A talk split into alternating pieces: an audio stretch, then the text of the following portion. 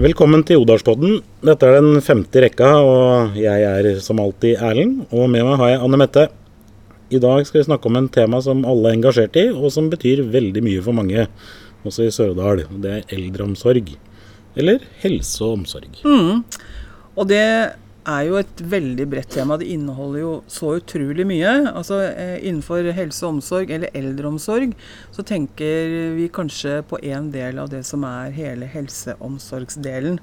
Men eh, vi er alle enige at eldreomsorg er jo viktig. Og for oss i Høyre så er det helt avgjørende at vi har god kvalitet og ikke minst valgfrihet i eldreomsorgen. Ja, og når vi snakker om kvalitet og valgfrihet, hva er det egentlig vi i Høyre mener da?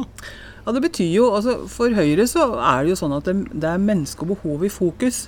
Og hvem er det som skal bestemme hva du og jeg trenger når vi blir eldre? Eh, men det viktigste er jo at du skal få god og riktig hjelp når du trenger det. Og du skal føle deg trygg, og du skal ha en god livskvalitet gjennom hele livet. Og det viktigste i helsetjenesten er jo da som sagt ikke systemet, altså hvordan vi tenker systemisk at det skal være, men eh, person og menneske, rett og slett. Altså hva trenger egentlig du, da? Ja. Men helse og omsorg det er jo også mye mer. Det er for alle. Det er for alle i alle aldre. Eh, og på alle deler av eh, helsedelen av livet vårt. Mm. Og Høyre har prioritert det høyt. Og helsestasjon og skolehelsetjenesten har fått et løft. Psykiatri og rusomsorg det er veldig viktig, og det har vi også øh, jobba med i Sørdal. Mm. Og gjennom opptrappingsplanen på rusfeltet er det gitt betydelig statlig tilskudd til kommunene de siste årene når vi har vært i regjering. Mm. Og jeg syns jo helt klart at uh, denne regjeringen har levert på alle områder. Og, og, Bent Høie, og så har vi jo fått eldreministre inn også etter hvert, har vært veldig tydelig på å være ute eh, rundt omkring i landet og snakket med folk, eh, sett hvordan det faktisk er, og gitt eh, på en måte midler og satsingsområder der hvor eh, det er behov for det. Men og igjen som jeg nevnte i stad, for det, det, som er så utrolig viktig, er jo at du ikke tenker hvordan det er best å kunne organisere det, uten å først å tenke på hvordan ser det ut her hos oss i kommunen. Hvordan ser den eldre befolkningen vår ut? Hvordan ser folkehelseprofilen vår ut? Så er det spesielle ting vi skal eh, ta ekstra hensyn til, det må veie tungt i måten eh, hvordan vi politikere bruker penger innenfor den kommunale helsetjenesten.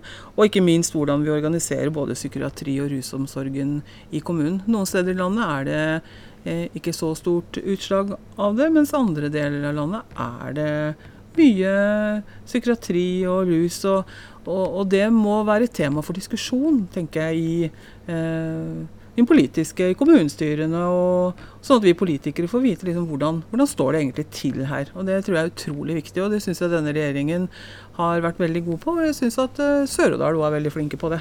Ja.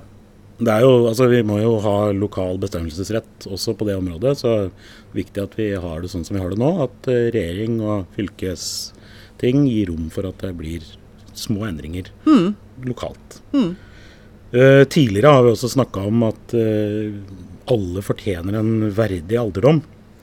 Uh, og den kvalitetsreformen som denne regjeringa har kommet med, som vi kaller Leve hele livet, den har vi jobba mye med politisk i vår kommune. Og representanter i helse- og omsorgsutvalget, Anne Marie Sandeby og Helene Ullerin, de har jo bidratt med god kunnskap og mye erfaring på det området. Mm, og veldig bra. Der uh, var bare både erfaring og utdanning, både sykepleiere og jobbet i mange mange år i frivillig sektor. Så de damene våre har vært gode å ha inn i det utvalget i de fire, fire årene som har vært. Og begge to er med i de neste fire årene. Og, og det, den erfaringen er det veldig bra at vi har med. Mm. Og dette her med å leve hele livet. Uh, det er kanskje mange som ikke tenker så mye igjennom det, men vi lever jo lenger. Vi lever stadig lenger. Og hvordan skal livene være for de som får eh, mange år ekstra å leve? Og mm. Bent Høie har vært eh, veldig tydelig der og sagt at vi får stadig flere år i livet. Og da må vi fylle de årene med mer liv. Eh, og det handler om gode ernæringsrike måltider, økt aktivitet, fellesskap og gode møteplasser, slik at du skal ha et aktivt og sosialt liv når du blir gammel. Eh, etter eget ønske og, behov. Altså, du kan velge sjøl, rett og slett. Og det er viktig å, tenke på at uh, det er uh, viktig å ta vare på de eldres uh, både fysiske, men også psykiske helse. Og tørre å sette det på dagsorden, sånn at man faktisk har det bra gjennom hele livet. Og i eh, disse dager så har vi jo sett og hørt at eh, vår gode statsminister Erna Solberg har vært ute og har snakket om at man skal innføre en trygghetsstandard som sikrer at du får de gode og samme tjenesten uansett hvor de bor i, i landet. Og i Sør-Odal så mener jeg at uh, her har vi det bra, og det er vår jobb som politikere å sørge for at uh, alle fortsatt skal ha det bra når man også lever lenger, da. Ja. Unnskyld, ja. Eh, vi får jo også stadig flere eldre i samfunnet. Mm. Det er jo noen eh, ganske store fødselskull fra midten av forrige århundre som nå mm. begynner å eh, bli store seniorer. Ja. Eh, og på landsbasis vil det i 2040 være mer enn 1,4 millioner mennesker i Norge som er over 65 år. Mm. Eh, den statistikken gjelder også i Sør-Odal. Eh, vi har jo generelt sett en eh, litt eh, høyere seniorandel enn resten av Norge. Og mm. siden de lever lenger og bedre, så er det jo mange som da lever lenger og har det bra. Og, men det er jo dessverre også noen som lever lenger og da får noen sykdommer, da. Men de fleste ønsker jo å leve lenge og leve hjemme. Eh, og det er viktig at vi legger uh, til rette for, sånn at også de som da har noen små problemer, kan leve hjemme så lenge de kan. Og Da må vi prioritere hjemmebaserte tjenester, og hjemmesykepleie, og velferdsteknologi og trygghetsalarmer. Multidosedispenser og alle sånne ting som kan gjøre det enklere for folk som trenger litt støtte, å bo hjemme så lenge de kan. Så vi må følge med på det som skjer digitalt. Og igjen, som vi sa i stad, valgfrihet. Folk må få lov å kunne velge, og eh, realistisk faktisk velge, at de kan bo hjemme. Mm. Og, og, det er litt sånn jeg kom til å tenke på når du nevnte dette med eh, teknologi, for det er jo så utrolig spennende og så utrolig bredt. Eh, og jeg tror jo, når jeg sitter bare her og tenker at eh, vi veit jo ikke helt eh, hva det betyr om ti år. Hva, hva, er det teknologien vil gi oss av eh, eh, si, eh, hjelp til de ulike tjenestene. For innenfor eh, eldreomsorgen spesielt, så mener jeg jo at det alltid må være varme hender. Og det må være noen som, som er der og, og, snakker med deg med menneskelig kontakt. Ja. Men det er jo veldig spennende dette med teknologi, altså. Det er det. altså Teknologien går jo veldig fort fram. Men som du sier, det er viktig at det er menneskelig kontakt og, og den biten med varme hender. Mm. Og så er det jo sånn at mye av teknologiutviklinga går jo veldig fort, eh, og så går det inn på et litt eh, blindspor. Mm. Så det gjelder å være der og eh, ta sjansen på å se på de nye teknologiene, men kanskje ikke ta de ordentlig i bruk før vi veit at dette er noe som er brukbart. Nei. Så være på og, og, være litt konservativ i valgen sin på teknologi er nok det beste. Mm. Og ikke minst dette her med, med frihet til å velge. Er, og jeg tenker jo den neste generasjon, også denne generasjonen, men neste generasjon av eldre i samfunnet vårt, eh, vil jo ha en helt annen eh, kompetanse på teknologi sjøl. Ja. Og, og, være vant til å ta i bruk eh, den teknologien som finnes, eh, eh, som vi vet om i dag. Da.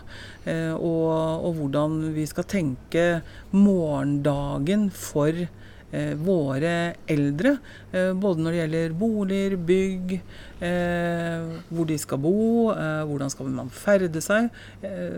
Det jo, Vi ser jo stadig disse bussene som er førerløse, som går rundt omkring. Det, det er jo en tanke som vi tenker i ja. dag er litt absurd. Nei, vi kan jo ikke ha disse bussene kjørende rundt omkring i kommunen vår. Men vet du at det, det er mange ting vi ikke helt ser i dag, som vil være helt normalt i morgen. og eh, når det gjelder boliger, så får vi jo stadig signaler om at de eldre ønsker å bo tettere hverandre og, og har behov for et uh, sosialt liv.